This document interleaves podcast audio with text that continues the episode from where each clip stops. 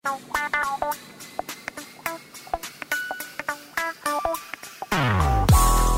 hai hai sobat internet.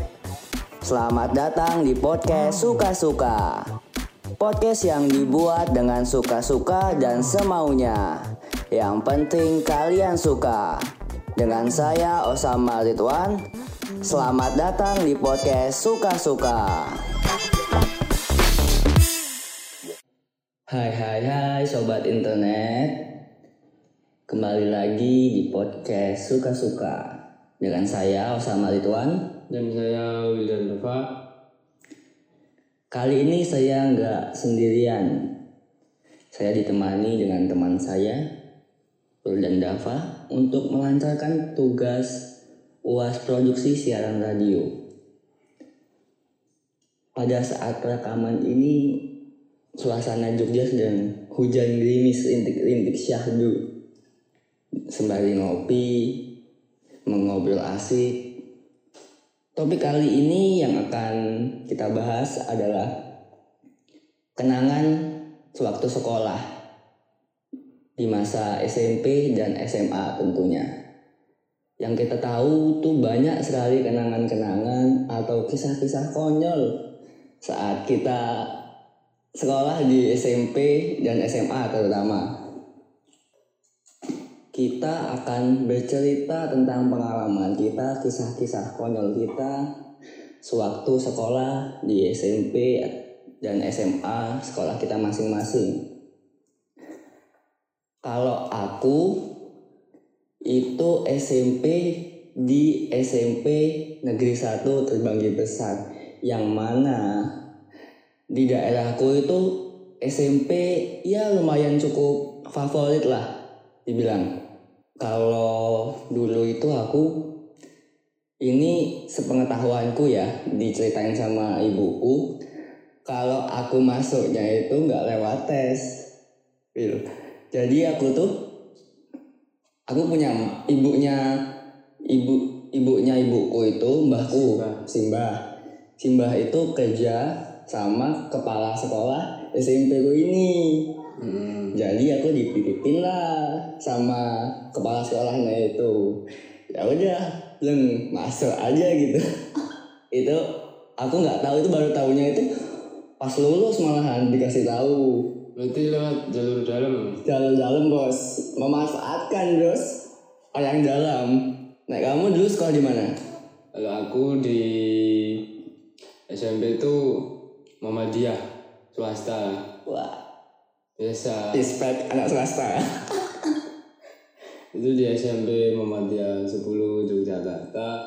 Itu kalau orang Jogja pasti tahu itu SMP-nya di mana? Di daerah Sagan. Nah, itu tuh dulu kalau berangkat sekolah tuh niatnya mau naik motor. Tapi kan itu belum bisa dan nggak ada tempat parkirnya tuh. ah. Terus aku berangkat naik sepeda itu ah naik sepeda bareng teman-teman itu. Sepeda biasa sepeda sepeda BMX yang kecil itu. Kalau aku dulu berangkat sekolahnya tuh mulai dari kelas 1 sampai kelas 2 itu kalau berangkat aku ikut sama bapakku. Bapakku kan kerja satu arah gitu kan jalannya. Aku ikut sama bapakku sampai sekolah. Terus pulangnya baru naik angkot gitu. Lumayan jauh sih dari rumahku ke SMP tuh ya sekitar 12 kilo lah 12-10 kilo. Lumayan jauh. Oh ya ini disclaimer dulu kalau aku tuh asalnya dari Lampung. Kalau si Wildan ini asli Jogja. Terus kalau kamu apa namanya? Di SMP itu sering bolos nggak? Kalau SMP itu belum belum belum nakal aku Belum nakal? belum nakal-nakal SMP apa? Kalau kamu? Nakal nakal SMP itu paling anu mau itu cuma nyuri nyuri makanan di kantin Wah itu emang kerjaannya yang yang ambilnya tiga bayarnya dua. Oh enggak enggak. Aku malah enggak bayar tapi minta kembalian. Kacau kriminal sejak kecil lanjut kacau kacau. Tuh ya kan ada nasi ayam itu kan. Hmm. Nasi ayam kan itu pasti kantinnya rame kan. Ah ada desuk-desukan gitu. Ah ya udah itu itu ada berapa orang ya? Pokoknya tiga apa empat orang itu. Yang satu minta nasi ayam yang satunya juga minta nasi ayam kan pasti yang yang jualan bingung kan. Ah jadi sistemnya gerombolan tuh Ah. gerombolan. Datang semua ke kantin itu. Beli nasi ayam. Jadi jatahnya misalnya jatahku belum di dibagiin itu kan itu udah tak ambil duluan punya orang. Terus? Jadi kadang penjualnya itu juga bingung ini punya siapa? Ini punya siapa? gitu. Nah, terus itu ada no kan aku belum ngasih uang kan buat bayar itu. Ah terus aku langsung ngomong bu kembaliannya mana? Wah aja wah itu- apa nasi ayam itu ada berapa? Empat ribu apa lima ribu gitu. Ibunya bilang terus? Tadi uangnya berapa mas? Aku lah jawab sepuluh ribu bu.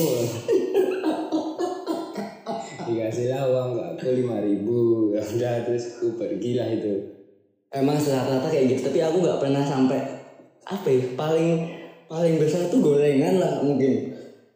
Aku ngambilnya misal lima bayarnya cuma dua lima seribu gitu. Kayak gitu emang udah biasa dulu kan ya? Iya emang itu pasti udah ya pasti kejadian lah sama siswa-siswa SMP SMA itu pasti ngakuin itu nggak mungkin nggak ngelakuin di kantin ya mungkin ada lah beberapa orang yang ya yang baik lah nah masa-masa percintaanmu guys di zaman SMP itu mulai dari SMP apa dari SMA percintaanmu itu? Kalau dari saya itu ya dari SMP itu. Itu dari SMP kelas itu kelas kelas satu tuh lihat ya itu pertama lihat orang itu kok kok gimana kok cantik kok ya Terus? pokoknya itulah. Terus baru kelas 2 berani berani apa pendekatan. Jadi selama satu tahun pas SMP itu kamu cuma ngeliatin tok? Iya. Belum belum berani. Berarti cuma mengagumi tok wah cakep banget. Pasti kalau pas istirahat atau di kantin. Iya itu juga. Melipir-melipir ke kelasnya. Itu pasti sih. Itu nganu mas. Sekelas Apa? itu ya apa? Ya? iya sekelas. Masih Oh, sekelas. sekelas. Iya, sekelas saat-saat minjem pulpen ya, sekelas itu Terus kalau kalau aku sih percintaan SMP kelas 2 sih kayaknya udah mulai itu. Tapi ini nggak tahu apa yang bego nggak tahu apa sih ya. SMP kelas 1 itu aku tuh ada yang suka sama aku toh. Ini Hmm. sumpah ini goblok sih. Ada yang suka sama aku tapi aku tuh nggak nyadar gitu loh. Dia tuh kayak tiap jam istirahat. Ke, ke kelasku ngantar makanan. Itu pasti. Terus kalau misalnya pulang sekolah pulang sekolah itu pasti minta bareng. Pulangnya bareng. Itu pasti pasti bareng itu tiap hari loh. Lu pulang bareng itu tapi aku nggak sadar terus sampai kelas kelas 2 itu dia itu bilang kok kamu goblok sih mah tak deket kamu gak mau gitu bro. Sumpah aku nggak paling itu udah jengkel itu. Sumpah aku gak tahu banget loh itu. Karena apa ya? Aku udah kenal orangnya itu yang bodoh amatan loh. Sama siapa aja. Jadi kurang peka. Gitu. Kurang peka, kurang peka. Sumpah aku kurang peka banget orang ini. Satu tahun lah itu. Bareng tuh sampai kelas Naik kelas 2 atau aku masih inget Abis pembagian kelas itu Ke kantin. Dia bilang itu kok kamu goblok sih mah Tak deketin kok. Aduh Abis dari itu dia nggak pernah ketemu aku lagi sumpah. Nggak pernah mau. Paling itu udah pertemuan terakhir Pak. iya udah kecewa ya, tapi piye ya Wil anu loh. Apa? Zaman SMP itu aku tuh iya tahunya tuh cuma berangkat sekolah udah kerjain tugas udah pulang. Aku belum pernah kenal kenal cinta itu yang mulai mulai kelas SMP kelas 2 itu mulai. Mulai mulai berani lah deketin orang mulai itu. Kalau SMP kelas 1 itu ya itu tadi. Aku nggak nggak nggak kalau si dia ini nyeketin aku.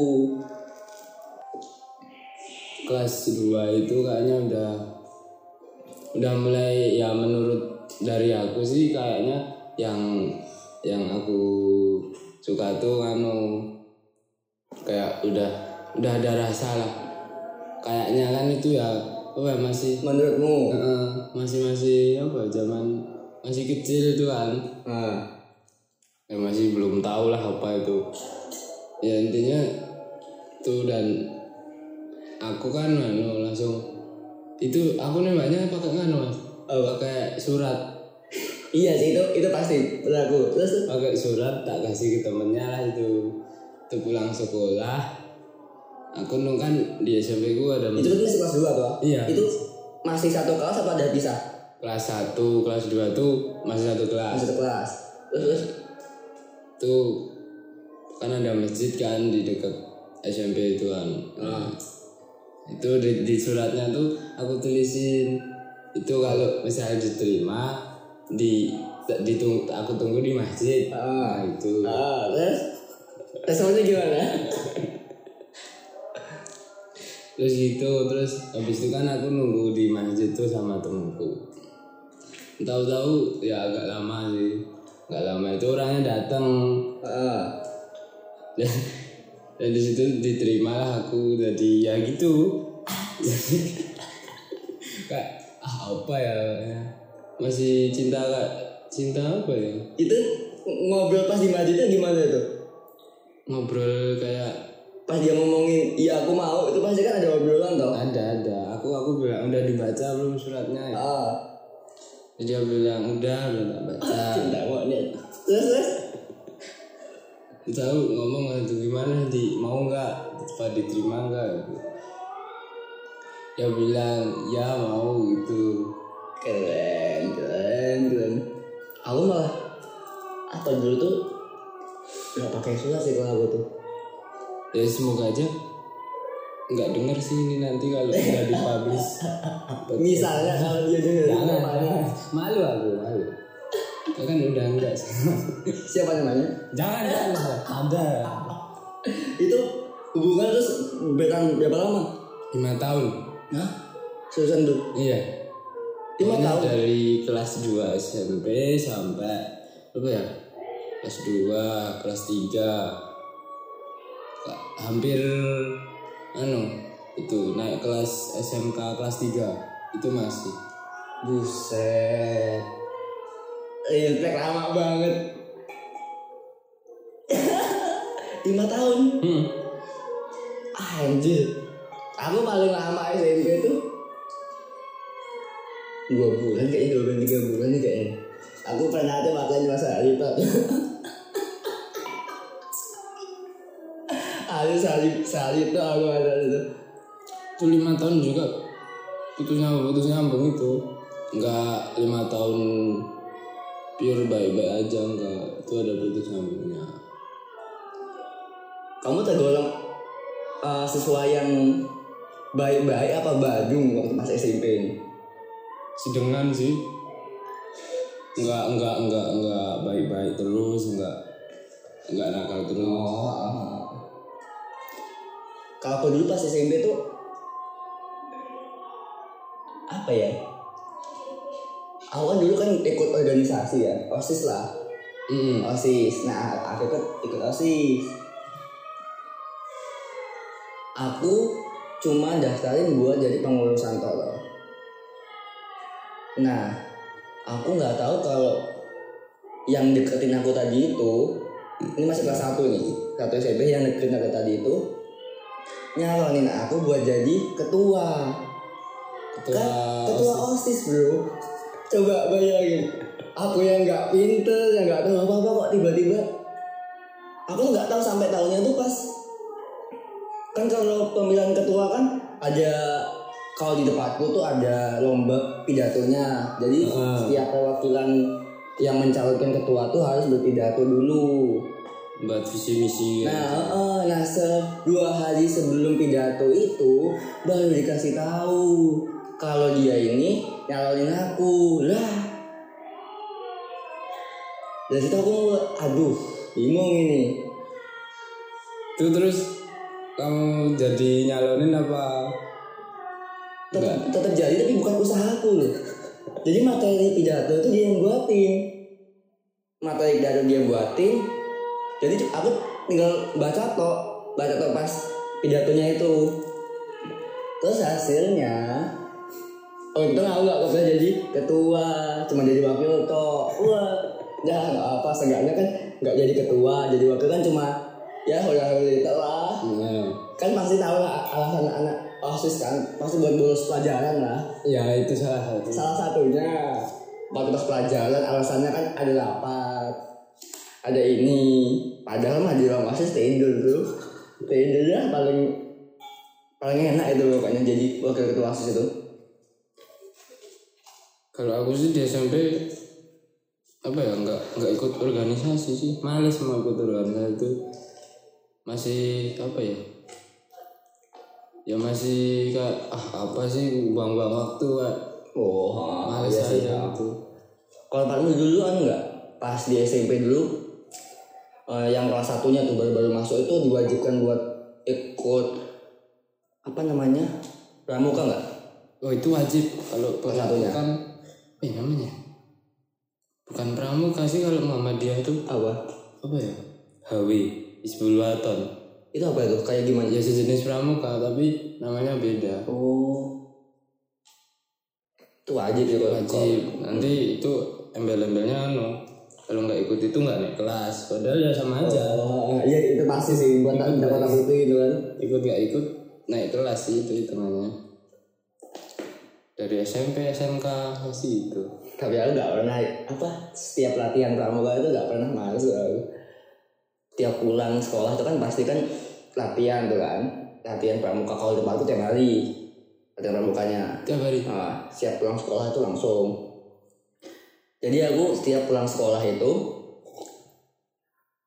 jadi ada dua pagar tuh. hmm. pagar masuk sama pagar keluar tuh beda masuk ada pagar sendiri keluar, keluar ada pagar sendiri nah setiap jam pulang kakak-kakak pembina pramukanya itu udah standby di pintu keluar jadi siapa aja yang mau bolos itu tetap ketahuan. Aku triknya tuh dulu tuh pulang apa jam pelajaran selesai mau pulang. Ke kantor pos dulu pos penjagaan. Ke situ ganti baju tunggu sebentar sampai bule-bule kantin itu mau pulang. Aku nebeng sama dia pakai topi biar gak kelihatan di dikira anaknya.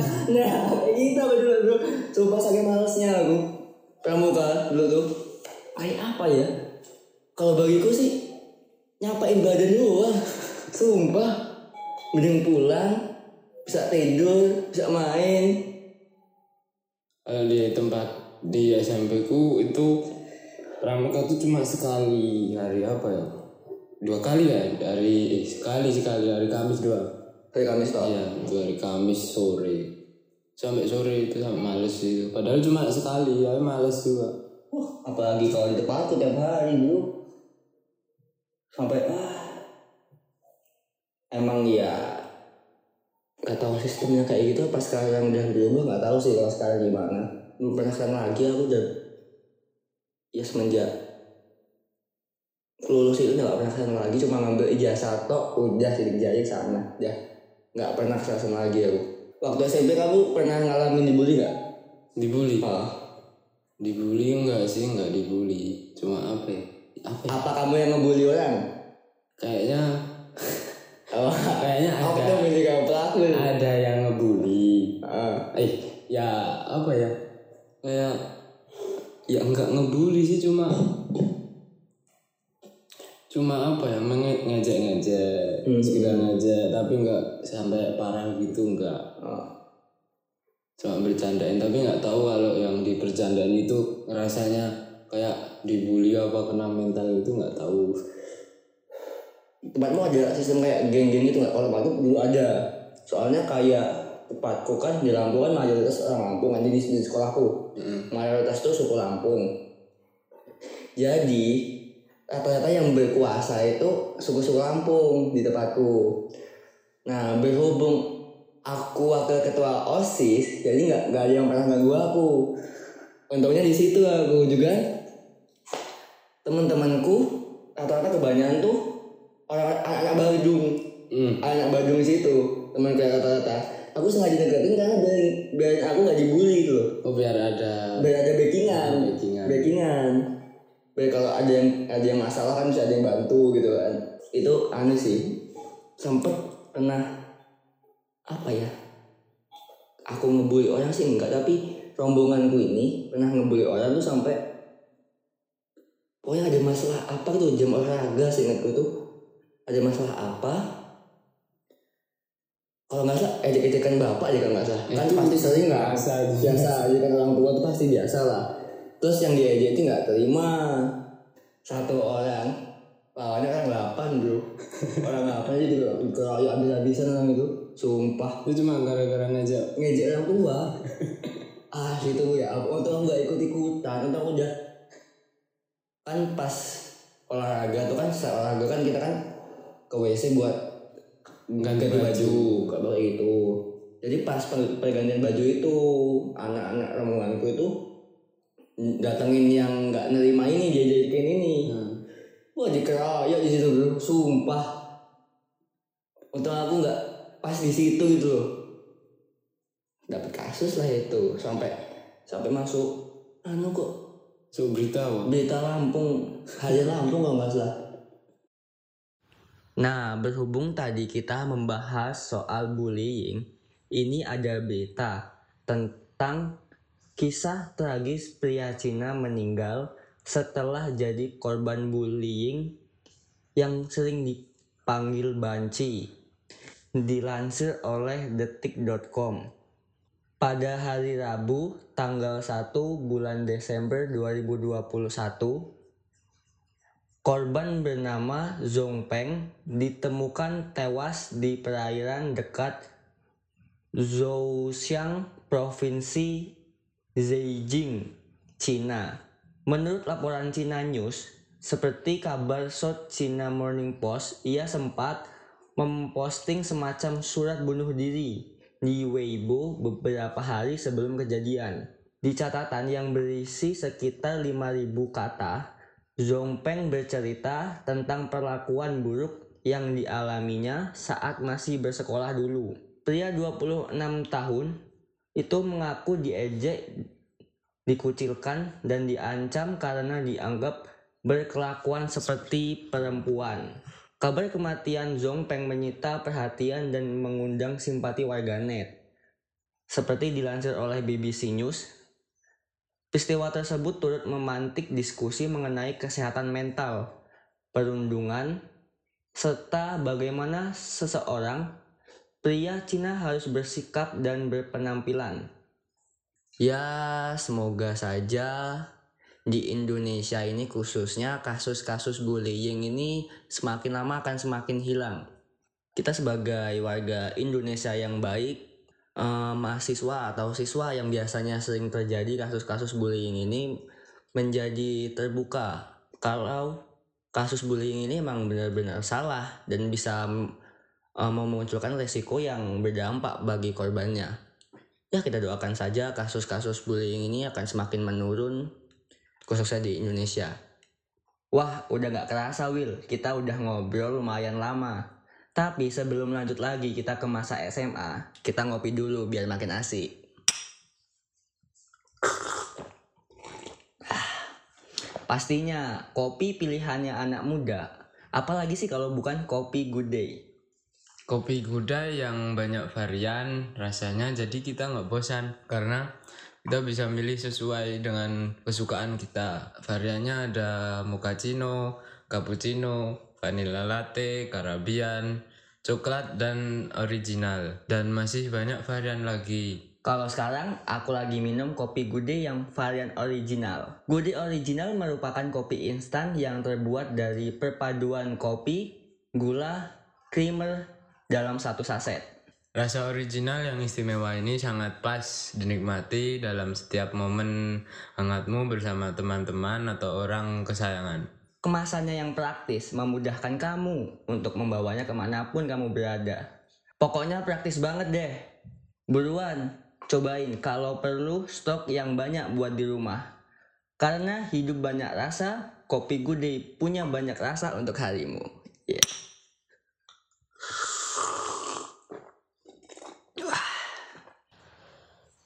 Nah, kita udah selesai ngopi, sekarang kita lanjut ke masa SMA.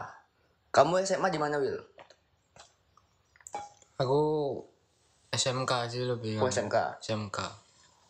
Aku SMK di itu SMK 3 di daerah deket Tugu itu. Oh, oh. Aku sama SMK juga. SMK Negeri 3 terbagi besar.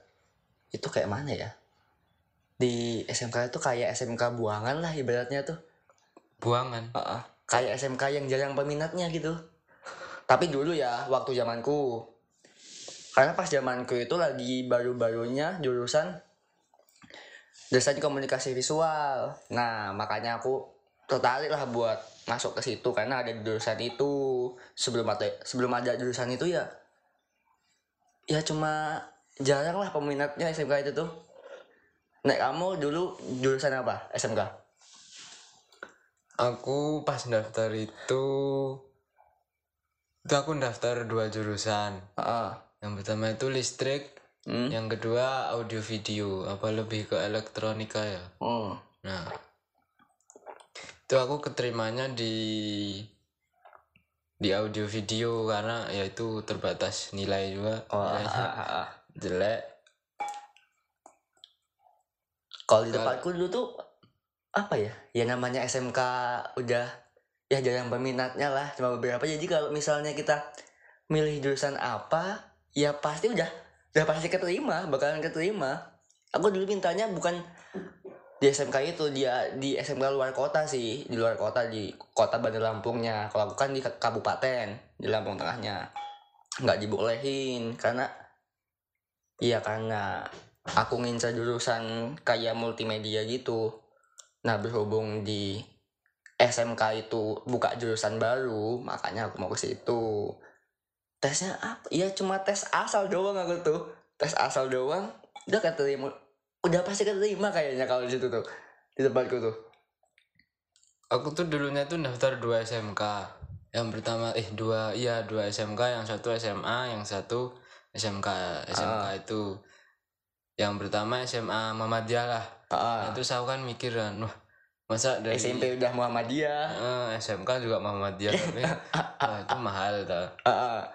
dan yang SMA tuh aku anu udah udah bayar yang tahap pertama udah bayar. Ah, pasti kan kalau Muhammadiyah kalau udah bayar pasti terima. Mm-mm. nah swasta. eh, terus aku dapat kabar dari temenku kalau di SMK 3 itu masih ada pendaftaran lagi yang terakhir nah terus aku iseng daftar di sana terus tahunya keterima alhamdulillah tapi yang di SMA Muhammadiyah itu uangnya nggak bisa kembali oh berarti kalau udah dibayar nggak bisa balik lagi itu Hmm. Terus kenapa kamu lebih milih ke SMK itu di, di dibanding yang SMA Muhammadiyah? Muhammadiyah itu Muhammadiyah ya Iya, sebenarnya? SMA Oh, karena tadi itu yang benar-benar. Kan lebih murah negeri Oh iya, benar sih. Nah, tadi kan kamu di SMP tadi itu kan eh dibilangnya kan bukan anak baik-baik banget, bukan anak Badung banget lah, istilahnya di tengah-tengah lah. Nah, waktu pas ke SMK ini kamu jadi Badung apa emang tetap di tengah-tengah aja ngikut baik oke Badung oke apa malah nambah semakin Badung anu sih lebih lebih lebih ke Badungnya sih. Jadi baik-baiknya agak berkurang gitu. Faktor penyebabnya apa kalau kamu digabung apa karena circle dari kelasmu kayak gitu? Ya itu juga teman-teman juga dari teman sekelas. Kalau Badungnya di SMK apa? Kalau kamu tadi kan kayak eh ke kantin nggak bayar tapi minta kembalian. Nah kalau di SMK apa kenakalanmu waktu pas SMK kurang lebih sama masih masih, Masih suka sama. masih suka nyuri di kantin. Emang udah jadi kebiasaan kayaknya itu. Kan di di SMK tuh mah ada dua tak ada koperasi sama kantin. Ah bener. Nah kalau di koperasi itu enaknya itu bisa nggak bayar ambil kembalian juga bisa. Ambil nasi kucing juga bisa. Kalau di kantin kan itu kan ada lapak ada banyak lapak tuh ah. Itu kadang nggak bayar juga bisa ada sotoan harganya empat ribu itu misal pas di lapak sotonya itu rame bisa jadi kan bayarnya kan terakhir kan pas udah habis itu. Nah itu bisa langsung balik kelas sama udah pernah itu sama itu kelas 2 SMK kalau nggak salah. Itu tuh kenapa? pas jadwal jam terakhir mau pulang itu kan ada satu jadwal lagi matematika. Ah. Nah itu tuh udah sore banget toh. Ah. Sore banget terus anak-anak temen juga udah pada males. Hmm. Nah itu anak-anak udah sepakat semua untuk pulang. Adalah ada berapa orang di kelas. Pokoknya yang yang pinter-pinter tuh ada di kelas. Ada berapa orang? Ada tiga orang di kelas yang nggak pulang. Ah, ah. Jadi, kira-kira total berapa sekelas? Dulu kamu dulu 36 36 36 terus kelas 2 berkurang jadi jadi dua jadi berapa ya jadi 30 Gak pernah lanjut yang tadi itu gimana? 30 dari yang tiga orang orang pintar itu nggak pulang. iya itu nggak pulang Jadi yang yang lainnya orang dua- 27 orang itu Eh, pada pulang semua. pada pulang Bolos pelajaran. bolos pelajaran semua sekelas gila. Respect. Dan- Terus terus dan itu paginya gu- guru yang ngajar itu kan komplain ke wali kelas lah ah, wali kelas terus paginya besoknya itu semua sekelas dipanggil di di ruang BK itu di ya itu dinasihatin di dikasih tahu dimarahin ah. dan untungnya aku pas pas besoknya itu aku nggak berangkat. Bolos lagi. enggak nggak boleh. Aku aku apa ya, mencret aku. Terus? Jadi kamu nggak masuk itu. ya aku tahu. Cuma teman-temanmu toh itu. Heeh, aku tahu kabarnya dari temanku itu. Untungnya aku pas itu pas nggak masuk. Ya sama sih. Aku mulai nakal-nakal bolos waktu SMA itu. Eh kok SMA SMK mulai kenal bolos. Tapi nggak sering bolos tuh. Kayak ya satu semester lah mungkin dua tiga kali lah aku bisa bolos pelajaran tuh. Bolos pelajaran bukan bolos kayak full seharian itu loh. Jadi cuma misal pelajarannya nggak disuka itu toh yang tak bolosin. Aku pernah atau ya nggak pernah sering sih kayaknya. Bolos dari pagi itu. Bolos dari pagi hmm.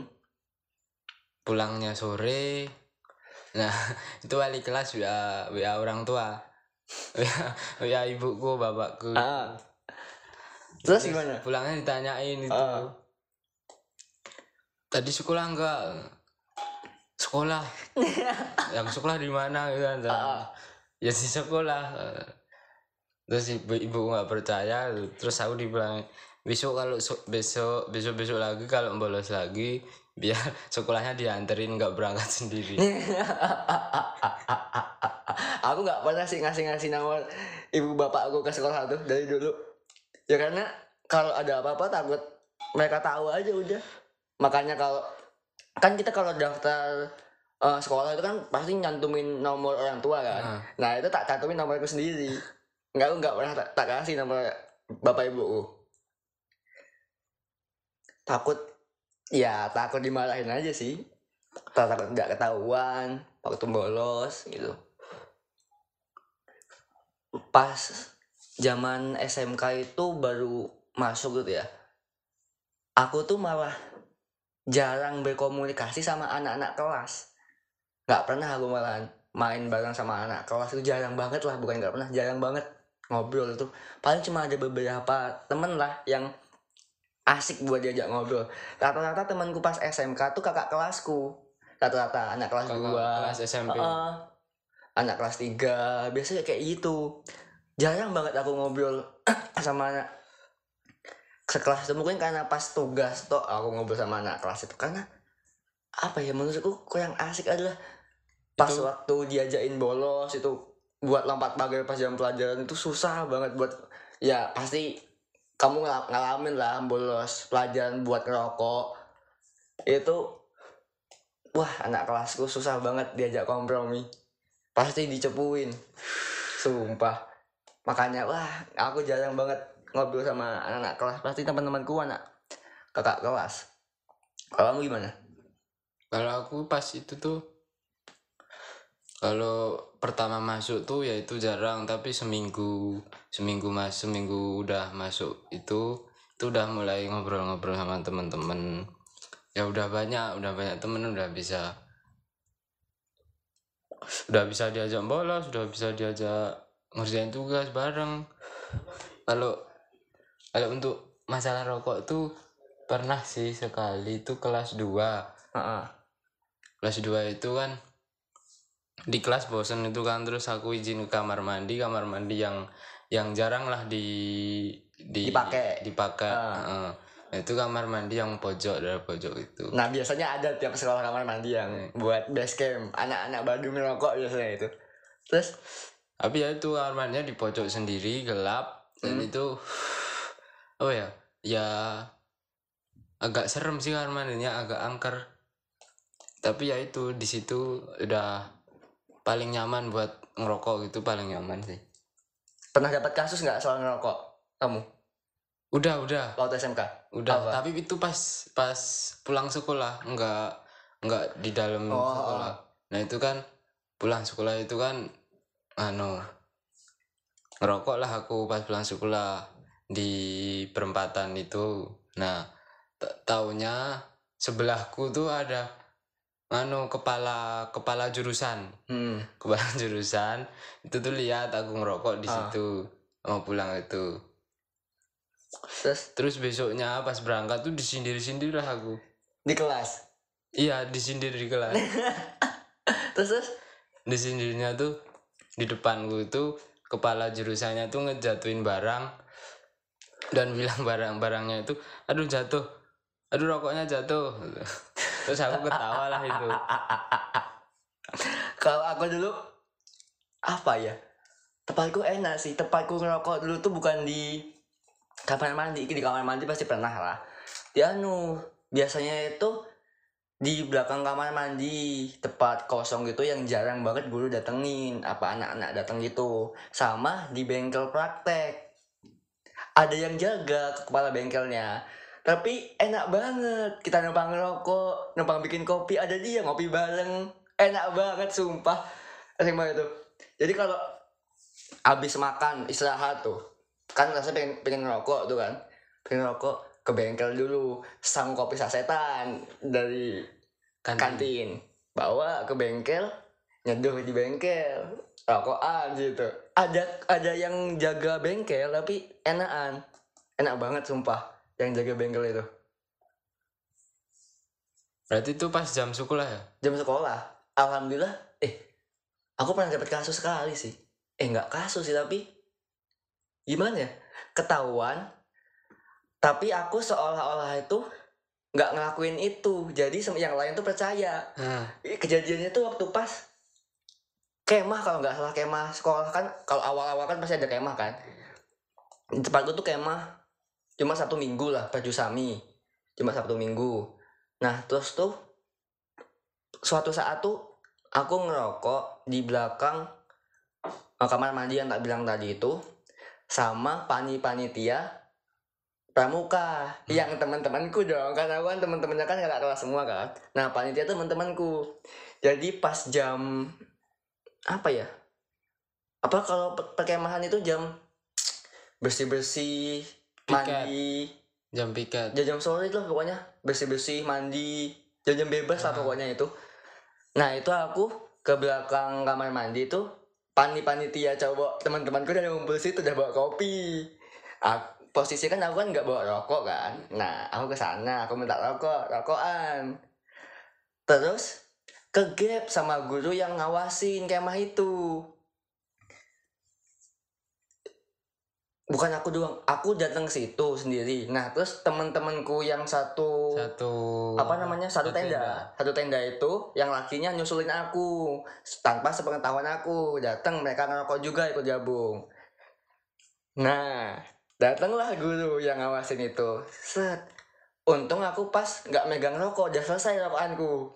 Nah teman-temanku yang sekelas yang se tenda. ini lagi ngerokok ketahuan mereka lari aku diem aja. Karena aku nggak salah toh. Nah diem aja lah. Posisinya aku dia emang nggak megang rokok. Dipanggil lah. Pas apa ya? Pas penarikan bendera kalau pagi-pagi itu biasanya kan. Hmm, nah itu. pacar itu. Dipanggil. Disuruh nunjukin siapa dia yang ngerokok rokok tak tunjukin lah. Ini ini ini ini ini nah terus yang pani panitianya pramuka itu ngedukung aku. Kalau aku tuh gak ngerokok. Wah dah bebas dari bro apa itu konus itu pertama kalinya aku jadi cepu. Untuk biar aku gak dapet kasus. Karena apa ya? Aku dibilang tuh pas SMK itu jadi apa ya? Banyak orang itu aku diklaim aku itu sebagai murid kesayangan eh, praktek kejuruan kayak kejuruan kejuruan bengkel lah yang Hmm. karena aku kan jurusannya kan DKV desain komunikasi visual nah pokoknya yang eh, mata pelajaran kejuruan itulah fotografi videografi segala macam karena aku suka itu kan nah aku jadi kayak apa sih murid murid Apa? kesayangan Nah, guru murid lah. sayangan guru. Jadi jangan sampai nama baikku ini ntar kecoreng jadi ah, jadi jelek. Makanya tak tunjukin semua jadi cepu. Itu jadi cepu pertama kali aku. Wah itu terus habis itu gak ada yang nemenin aku lagi. Berarti habis itu dikucilin ya. aku kucilin aku asli. Cuma beberapa lah, ya beberapa seminggu lah kalau nggak salah itu udahlah biasa aja. Bodoh amat aku juga. Yang penting aku gak ada masalah. Ya untungnya nggak nggak nggak pas bawa ngerokok. Iya sih itu sih bener. Untungnya nggak pas ngerokok Aku pas udah habis ngerokok gitu. Lagi ngeruput kopi Aku ingat banget ngeruput kopi itu Datang gurunya Ditunjuk Oh kamu kamu kamu. Yang lain pada lari Aku sama panitia itu Diem aja. Alasannya tuh Aku kenapa di situ gabung sama panitia itu? Karena kamar mandi buat Mandi buat bilas itu masih rame Makanya aku nunggu di sini dulu Sekalian ngobrol kan Untung aja ya ampun nggak ada masalah aku selama SMA itu nggak ada eh, nggak ada masalah aku selama SMK masuk BP belum pernah Kalau untuk SMK kamu tuh kalau masalah rambut gimana? Apa harus harus berapa senti? Harus gini? Kalau di tempatku tuh itu pokoknya rambut harus cepak itu cepak itu kayak apa ya? Kayak enggak enggak enggak gundul banget tapi itu rapi. oh ya ya kayak kayak angkatan-angkatan loh ya Nah, polisi itu. tentara gitu-gitu tuh Hmm. kalau tempatku apa ya dibilang soal rambut tuh kayaknya bebas-bebas aja tapi ada batasannya gitu loh kayak nggak boleh terlalu gondrong aja udah patokannya yang penting rapi aja udah Tapi udah ada kayak itu nggak kasus buat kayak misal piket itu apa razia rambut razia Ada tapi jarang banget. Hampir gak pernah malah. Ada sih. Sekali kalau nggak salah tuh. Iya sekali kalau nggak salah. Jarang banget di di SMK aku razia rambut tuh cuma sekali tuh. Itu juga karena yang paling sering itu anu malahan pas upacara tuh gara-gara sepatu kalau di tempatku biasa tuh seringnya tuh di sepatu harus hitam putih nggak boleh hitam biasa gitu hitam biasa masih oke lah tapi kalau yang di apa di peraturannya itu harus hitam putih. Selain warna itu udah hilang. Aku pernah pakai sepatu satu kali tuh baru beli tiga hari kalau nggak salah itu. Tom Skins merek- mereknya. Aku beli. Kan biasanya kan kalau pakai sepatu yang berwarna-warni kan jangan pakai hari Selasa pas upacara itu kan. Nah kesalahanku itu pakai pas upacara karena sepatuku yang biasa tak pakai itu lagi basah. Makanya tak pakai itu. Masuklah. Dari masuk gerbang. Masuk itu? Aman. Lolos. Set masuk. Pas upacara. Waduh ada yang keliling kan biasanya guru-guru itu? Wah ketahuan. Ditarik aku keluar barisan. Disuruh lepas sepatu. Sampai sekarang sepatunya nggak dibalikin. Nggak tahu ke mana. Itu masih teka-teki. Nggak yang nggak terjawab sampai sekarang sepatu disita itu dikemanain itu mungkin di apa ya? Kan disumbangin ke orang yang nggak mampu. Kayak di panti asuhan nggak di buat sekolah lagi. Kalau kalau di tempatku itu nggak nggak semua sepatu. Ah. cuma satu doang satu. Satu jadi yang Oh, kiri yang, yang kiri. sebelah Heeh, tok. sebelah dok Jadi enggak kalau bapakku dua-duanya itu. Jadi jadi mau nggak mau pas pulang tuh diambil. Enak gitu aku nggak nggak pernah dibalikin sampai sekarang sepatuku. Sepatu slip on itu Tom Skate nggak pernah dibalikin. Warnanya tuh merah hitam kalau nggak salah merah hitam. Sampai sekarang nggak tahu aku di mana itu. Terakhir aku ngeliat sih kelas 2 itu masih ada di ruang guru. Tapi kelas 3 tuh aku nggak pernah lihat sepatu itu lagi di ruang guru. Nggak tahu ke mana udah menghilang tanpa jejak aja udah paling udah dikasih itu ke anak gurunya positive thinking. Apa lagi ya?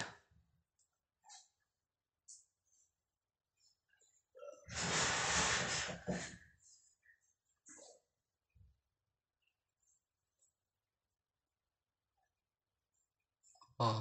Apa ya waktu pas SMK itu kamu pernah ngalamin hal-hal mistis nggak di SMK kamu? kalau aku aku tuh belum pernah tapi paling cuma lihat lihat temen aja lihat temen maksudnya yang apa ya yang pernah pokoknya ada kejadian itu tuh pas sekolah pas jam pelajaran tuh kan mesti sekolah tuh ada itu kan ada pengumuman tua itu loh ha, ha. nah itu tuh sempat diumumin kalau ada satu siswa itu tuh kayak kesurupan itu. Nangis-nangis gitu. Nah itu satu sekolah tuh ada ramean di bawah terus pada itu kumpul lah itu di kan itu di UKS kan?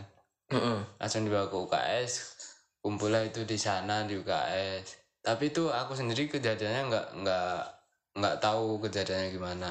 Tapi yang tahu cuma itu kesurupan aja terus dibawa ke UKS terus udah di ya udah di apa namanya udah ditangani sama sama guru yang bisa kayak gitulah Hmm. kalau Kalau aku apa ya? Pernah kalau nggak salah waktu pas kemah itu tadi malam-malam waktu pas mau ke kamar mandi mau kencing itu kan aku minta temanin temenku toh. Nah posisinya aku itu kayak WC-nya itu lewatin lorong lorong dulu tuh lorong dulu baru di pojokan sana ada WC lampu itu kan kayak lampu WC itu ada tiga tuh jejer. Hmm. Nah, yang pertama hidup, yang kedua mati, yang ke eh Tiga. yang ketiga itu hidup. Nah, terus di situ tuh nggak ada siapa-siapa. Waktu pas aku jalan ke lampu yang pertama baru masuk ke WC itu, aku kan masuk WC tuh mau yang WC yang paling ujung. Karena yang WC yang pertama itu bau banget sumpah masih ingat aku bau banget. Aku ke ujung lewatin lampu yang mati itu. Pintunya posisi kebuka. Hmm. nah temanku jaga di depan pintuku. Pintu kamar mandiku itu pas aku buka mau keluar ngelewatin lampu yang mati itu yang pintunya kebuka kita udah ngelewatin tiba-tiba pintu itu ketutup. Dah! Refleks itu ngomong kasar semuanya lari ke ke tenda itu. Ke tenda cewek. Ke tenda cewek larinya. Enggak ke tenda cowok. Itu di situ anjir kok banget. Tidur di situ malahan. Ya itu doang sih kejadian mistisnya nggak pernah lagi sih aku karena nggak pernah. Biasanya tuh kalau di tempatku tuh ada yang nginep di sekolahan gitu loh. Hmm. kayak organisasi-organisasi gitu sih biasanya kayak pencinta alam segala macam tuh kebanyakan ada yang tinggal di uh, ruangan pencinta alamnya itu atau di ruangan organisasinya itu. Kalau aku nggak pernah sih kalau ngalamin itu. Kalau kamu ada nggak yang organisasi yang nginep gitu? Ada ada ada itu bukan ke organisasi kayak apa ya? Ekstrakurikuler. Oh. Kayak yang di jurusan kan robotik. Oh. Nah itu mesti kalau ada besoknya atau ada event lomba itu pasti ngelembur di sekolahan sampai malam sampai nginep gitu. Itu pasti ada. Sampai lembur kamu dulu sih nggak pernah sih. Sampai lembur lembur kayak gitu. Tempatku enak banget tempatku tuh dikenal tuh sekolah yang masuknya paling lama pulangnya paling cepet. Sumpah aku masuk ya misal jam 8 tuh masuk. Jam 2 jam 1 tuh udah pulang. Yang lain tuh jam 4 jam 5 tuh baru pulang. Makanya mereka mereka, iri. Ya itu juga jadi pilihan karena nggak nggak lama-lama di sekolah gitu loh. Berarti. Tuh jam pelajarannya sama rata ya? Sama rata. misal jam segini udah harus pulang nggak ada tambahan kayak gitu. Iya ada sih beberapa kali tapi jarang banget rata-rata. Azan zuhur tuh rata-rata udah pulang anak-anak itu. Udah pada pulang dah pulang semuanya pokoknya. Kalau di tempatku tuh jam berapa ya? Pokoknya jam 6.45 tuh gerbang udah ditutup.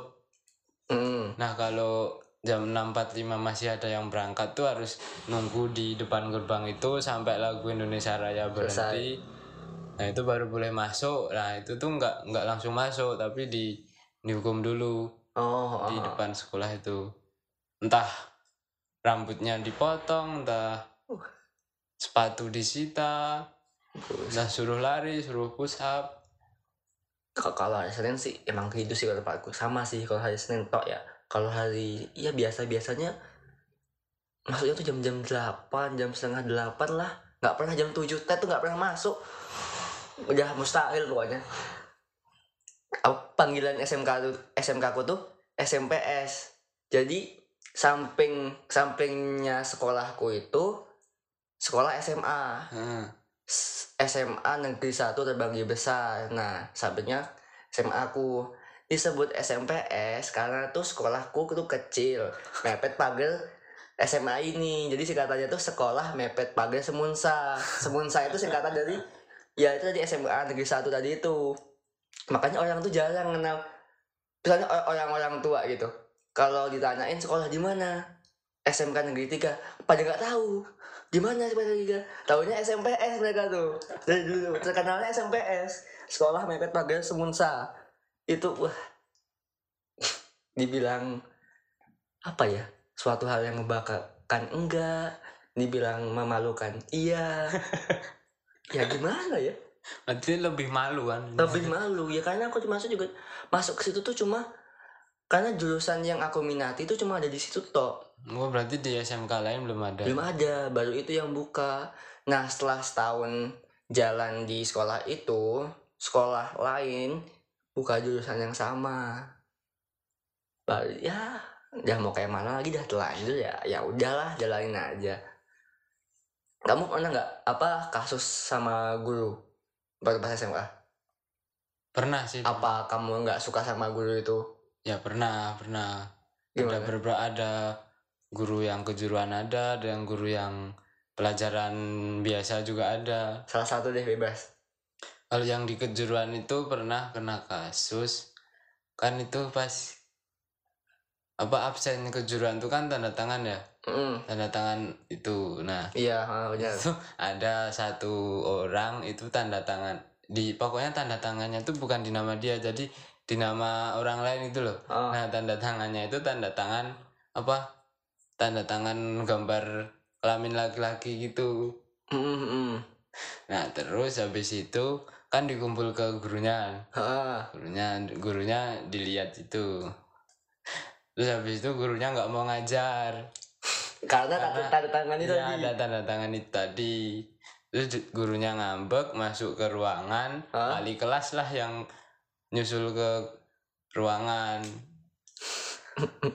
Terus anak-anak kelas tuh pada ditanyain ini siapa yang tanda tangan gini? Ah, terus? Dipanggil lah satu-satu ah. satu-satu tuh ke ruangan bilang ini siapa ya ini? Pada nggak ngaku-ngaku itu enggak ada namanya apa? Apa? Pas di tanda tangan itu. Ada jadi tanda tangannya tuh di nama orang lain. Pinter banget sumpah pinter. Terus? Ya itu jadi yang pertama tuh yang dipanggil tuh yang namanya ditanda tanganin ditanda tanganin itu alat kelamin itu. Ah, dipanggil lah dia. Terus dia nggak ngaku terus terus itu gurunya itu sampai balik lagi ke kelas ah, cuma buat nanyain itu kalau misal nggak ada yang ngaku Ah. gurunya nggak bakal ngajar dan Ah. nilainya nggak nggak Nggak- nggak nggak keluar keluar Ah, Nah, terus itu. ngaku nggak kamu terus akhir-akhirnya ngaku itu bukan aku ya itu temanku Oh, oh, oh. nah itu ya rame sih itu Dia ngaku sendiri apa disepuin sama orang tadi? awalnya awalnya nggak ngaku semua nggak ngaku. Ah, itu yang kena ada berapa orang ya? Pokoknya yang kena tuh ada empat orang atau tiga orang. Ah. nah itu. Itu empat orang itu. Nah itu ceritanya tuh pada anu di, disuruh gambar ulang tanda Hmm, tangannya. Iya, terus terus. Oh, terus digambar lah itu di depan gurunya. Digambar itu. Terus? Terus sama kelamaan kan udah sore juga tuh terus itu adalah satu orang aku tapi yang kena tiga orang atau empat orang itu terus itu tuh suruh apa suruh buat surat pertanyaan tanda tangan orang tua pernyataan, Ah, ah, pernyataan. tanda orang, orang tua. Heeh, itu Itu udah pasti nggak bakal orang tuanya yang nanda tanganin. pasti dia sendiri yang nanda tanganin itu. ya pastilah orang tua Pernah dapat panggilan nggak dari, dari sekolah? kalau Panggilan dari- orang tua. kalau aku belum belum alhamdulillahnya belum Sama. cuma apa ya panggilan tuh cuma suruh ngambil sepatu doang Yang sepatu tadi itu yang disita. Tapi kan pas pulangnya toh, iya bukan orang tua panggilan orang tua gitu. ya yang disuruh ambil Oh, enggaknya yang tua yang suruh ngambil. Oh. Menarik, menarik. Oke, kita mungkin jeda sebentar untuk menikmati sebuah lagu yang sudah kami siapkan untuk para pendengar podcast suka-suka.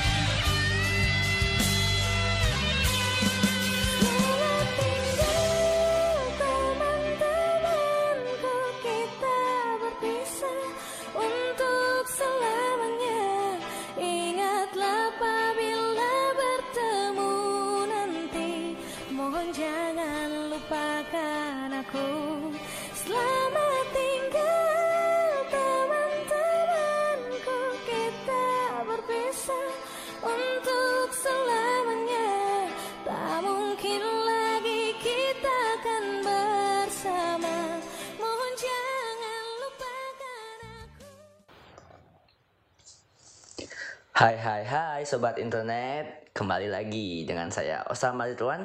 Dan saya Wildan Dava. Nah, kita akan melanjutkan pembahasan kita tadi yang sedikit mulai-mulai agak menarik. Sekarang kita kan kita kan sudah apa ya? Kita termasuk ke dalam golongan lulusan COVID lah. Iya. Lulusan COVID. Orang-orang bilang seperti itu.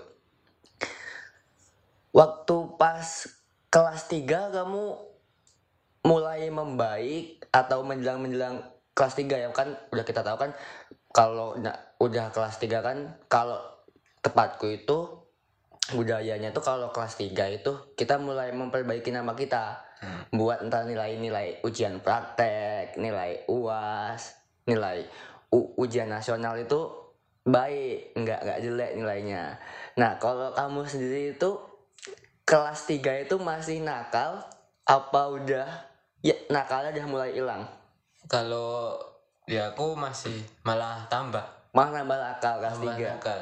Pokoknya kelas 3 tuh awal kelas 3 tuh masih ya itu malah tambah tambah makin nakal terus apa pokoknya kelasku tuh paling di udah di apa ya Diklaim. Iya udah diklaim kelas ter nggak bisa diatur. Kalau sama guru mesti ngelawan. Itu paling itu kelasku itu udah. Kelas-kelas mafia lah ya. Nah itu paling membaiknya tuh pas akhir-akhir menjelang menjelang lulus tuh makin baik makin baik. Nah kalau aku itu ngalamin ujian nasional yang nggak dialamin sama anak SMA itu kalau di daerah aku tuh anak SMA tuh agak iri soalnya kenapa pengumuman ujian nggak diadain itu pas SMK udah mulai ujian nasional kalau tempatmu kamu ujian nasional nggak Enggak, kayaknya kebalik ya. Loh? SMA SM punya di Jogja tuh kayaknya SMA dulu ujian nasional hmm? berapa hari gitu baru SMK Loh. tapi pas anu tuh di tempat tuh nggak ada UN Loh, kok malah kebalik? Kalau di tempatku tuh sistem sistemnya gini, ujian nasional UAS dulu kan, ujian akhir sekolah, ujian nasional, ujian praktek kejuruan. Hmm. Nah, UAS udah, ujian nasional udah. Giliran apa? eh, kita anak-anak SMK di daerahku itu udah ujian nasional. Terus keputusan buat ngehapus ujian nasional itu bukan ngehapus sih, ditiadakan sementara itu pas anak SMK tuh udah ujian. Kenapa nggak sebelumnya biarin sama rata?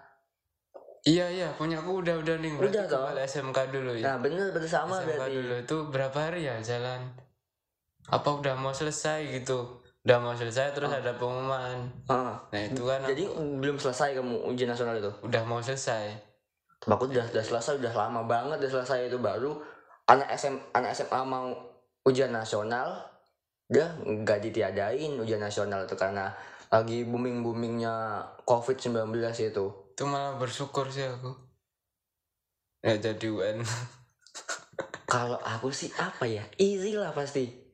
Kenapa? Klaimnya itu kan kita kan sebagai lulusan COVID kan lulusan yang yang apa ya? Yang dibilang nggak ribet lah. Hmm. Cuma tinggal lulus doang, nggak pakai ujian. Padahal kita anak SMK itu udah ujian nasional. Seharusnya klaim itu cuma buat anak SMA atau nggak nggak berlaku buat anak SMK. Tapi itu yang bikin anak SMK di daerah aku tuh iri. oh iri harusnya nggak nggak dikatain lulusan Uh-uh. covid itu kalau emang nggak ditiadain kan seharusnya kan sebelum SMK juga kan memulai ujian nasional. Hmm. ya tapi ya sudahlah mau gimana lagi? Namanya juga terlanjur. Tapi kan rumornya kan nilai ujian nasional kan akan ditambah nilainya kan kalau anak SMK kayak gitu. Tapi ya ya udahlah.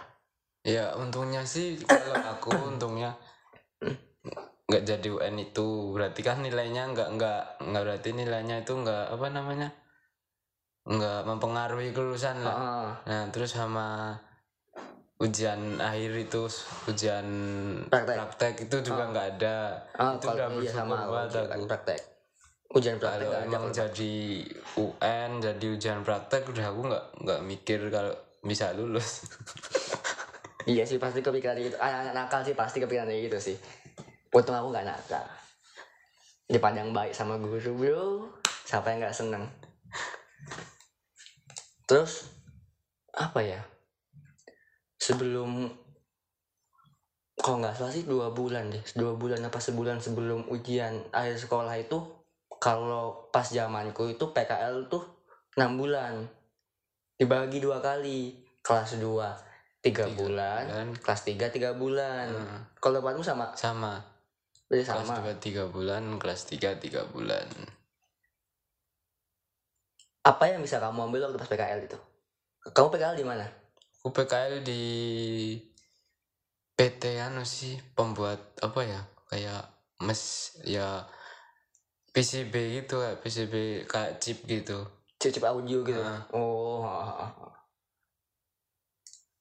kalau diambil dari PKL itu apa ya ya itu cara cara apa bikin PC apa bikin chipnya itu kayak gimana dari awal sampai akhir. Paling cuma itu sih sama tambah-tambah apa ya pengetahuan sih. Hmm. tapi lebih banyak nggak masuknya sih. Kembali lagi sifat aslinya. Bolos pelajaran kalau aku tuh PKL dulu tuh di aku dua kali kan pindah PKL itu. Yang PKL pertama kelas 2 itu aku di Kompas TV Lampung. Itu ada di kota di kota Bandar Lampung. Itu pertama kali aku jadi anak rantau PKL selama tiga bulan itu. Aku apa ya yang tak ambil sih ya banyak sih. Dari proses terlibatnya langsung pada sebuah kasus menyelidiki terus bikin bikin skrip terus tata cara bahasa yang benar terus waktu talk show itu apa yang diperlukan produksi siaran siaran apa berita itu bagaimana. Banyak banget. Pokoknya banyak deh. Yang kedua itu eh, ada yang kedua itu aku pindah di tem apa WO wedding organizer Hmm. gitu. Yang se yang buat wedding weddingan gitu deh pokoknya nah yang lucu di tempatku ini kan aku kan jurusannya di kafe kan desain komunikasi visual yang mana itu eh menjuru ke visual lah desain videografi semuanya yang yang memerlukan kecantikan atau keestetikan visual. Nah, aku PKL di wedding organizer itu malah jadi kuli. Angkat-angkat kain terpal, angkat-angkat kain buat apa namanya pelaminan, nyusun bunga, angkat-angkat kursi. Sumpah bro itu wah PKL yang bener-bener sangat wah capek banget sih itu tiga bulan itu.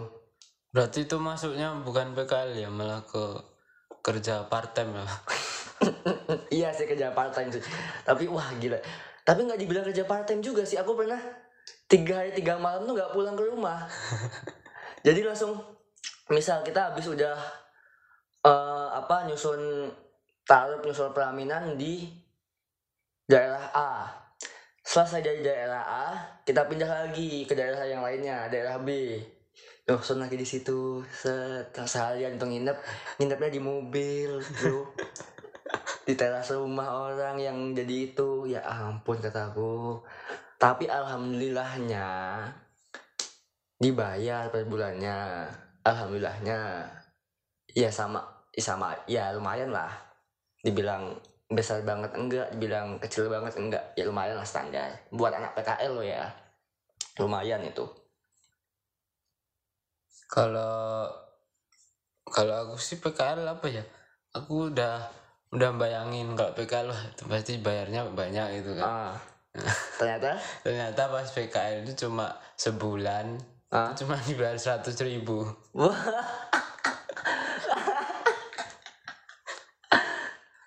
Itu ya lumayan lah udah udah dapat makan siang Ya, tapi ya tapi lumayan lah kan banyak orang-orang yang PKL kan nggak dibayar kan pastinya. Ya lumayan lah. Kalau aku dulu si PKL yang kedua ini PKL dibayar satu bulannya itu kurang lebih ya kira-kira dari satu juta sampai satu juta empat ratus lah satu bulan. Satu bulan? Ah, ah, tuh. PKLmu tiga bulan? Tiga bulan. Tapi itu nggak nggak netap satu juta. Satu juta sebulan itu nggak. Tergantung lagi banyak event apa enggak oh berarti tergantung pesanan dari itu. Hmm, hmm. kalau semakin banyak weddingan weddingan itu semakin besar. Pernah nyentuh sampai satu juta delapan ratus satu bulan. Udah kayak orang kerja. Tapi ya sa- apa ya? Capeknya sih ya terbayar lah kalau kata gue sama uangnya itu masuk akal juga lah. Kita juga ngerasain capek bro. Kita di kafe desain komunikasi visual jadi kuli bro. Angkat-angkat taruh lah. Nyusun kursi lah bangku wah terus selesai ny- nyusun selesai udah dekor pelaminan itu udah selesai kan. Hari harinya besoknya. Nah aku turun ke sana lagi. Buat Buat jadi asisten Oh. fotografi. Coba capek banget bro sumpah. Wah itu udah jarang tidur. Jadi pulang ke rumah itu mungkin seminggu itu bisa berapa ya nginep di rumah tuh seminggu bisa dua kali cuma dua kali tiga kali. Pulang tuh cuma ngambil baju makan udah berangkat lagi. Nginep antara nginep di tempat acaranya apa nginep di kantor gitu aja ya ampun capek banget itu tiga bulan itu. Sumpah. Menjelang kelulusan. Nah biasanya kan kalau kelulusan kan sebelum adanya covid kan kita konvoy tuh Hmm. coret-coret kalau di tempatku budaya itu tuh memang udah ada tuh. Tapi pas adanya covid itu nggak rame yang coret-coret tuh cuma ya rombongan-rombongan doang lah. Biasanya tuh kalau tempatku tuh satu sekolahan. Satu sekolah nggak satu sekolahan sih. Seluruh seluruh sekolahan SMA SMK di Hmm. daerah aku itu semua gubuk gabung di satu titik. Kita sana semua kayak di lapangan itu kita coret-coretan di sana semua. Selesai itu kita konvoy. Nah kalau yang abis kalau yang situasi kita ini yang covid ini itu aku ikut ikut pas coret-coretan itu perbandingannya dikit banget sumpah. Dari hari dari yang tahun sebelumnya. Tahun sebelumnya kan aku ikut juga tuh. Jauh banget yang biasanya lapangan itu penuh. Ya paling jadi setengah lapangan. setengah lah setengah seperempat lah. Kalau- di sini gimana di, di Jogja? Kalau di sini ya apa ya tetap ada yang rame tapi diem diem aja tuh. Di di Hmm. tempatku tuh pernah kan aku ikut ikut kumpul itu kan di di kum- kumpulnya di rumah temen udahlah rumah temen itu. Hmm. nah itu kan kumpul siang gitu. Tahu taunya rumah rumah temanku tuh warganya anu guru. Hmm. nah jadi dilaporin. gurunya datang Oh, langsung ha. datang langsung bubarin lah itu. Terus? Ada yang ngumpul di situ. Nah, terus itu bubar semua. Terus akhirnya pindah pindah buat kumpul. Terus ya udah jadilah itu apa kumpul-kumpul konvoy itu. Tapi sebaiknya sih dihindari ya buat sekarang ini karena apa ya? Karena sekarang kita baru kepikiran gak ada gunanya gitu loh. Sekarang kan apa ya konvoy kan mengakibatkan kan kecelakaan lah pasti. Kan banyak kan waktu konvoy kecelakaan ada yang meninggal ada yang anu ya kalau bisa dihindari lah dah di rumah aja apa kumpul-kumpul sama anak kelas anak sekolah di suatu tempat yang nggak usah lah konvoy-konvoy bakar-bakar di tempat atau gimana ngerayain kan lebih aman ibaratnya kan. Nggak nggak apa ya eh, nggak membuat ricuh lalu lintas juga. Kalau itu kan rame banget tuh kan panjang konvoy.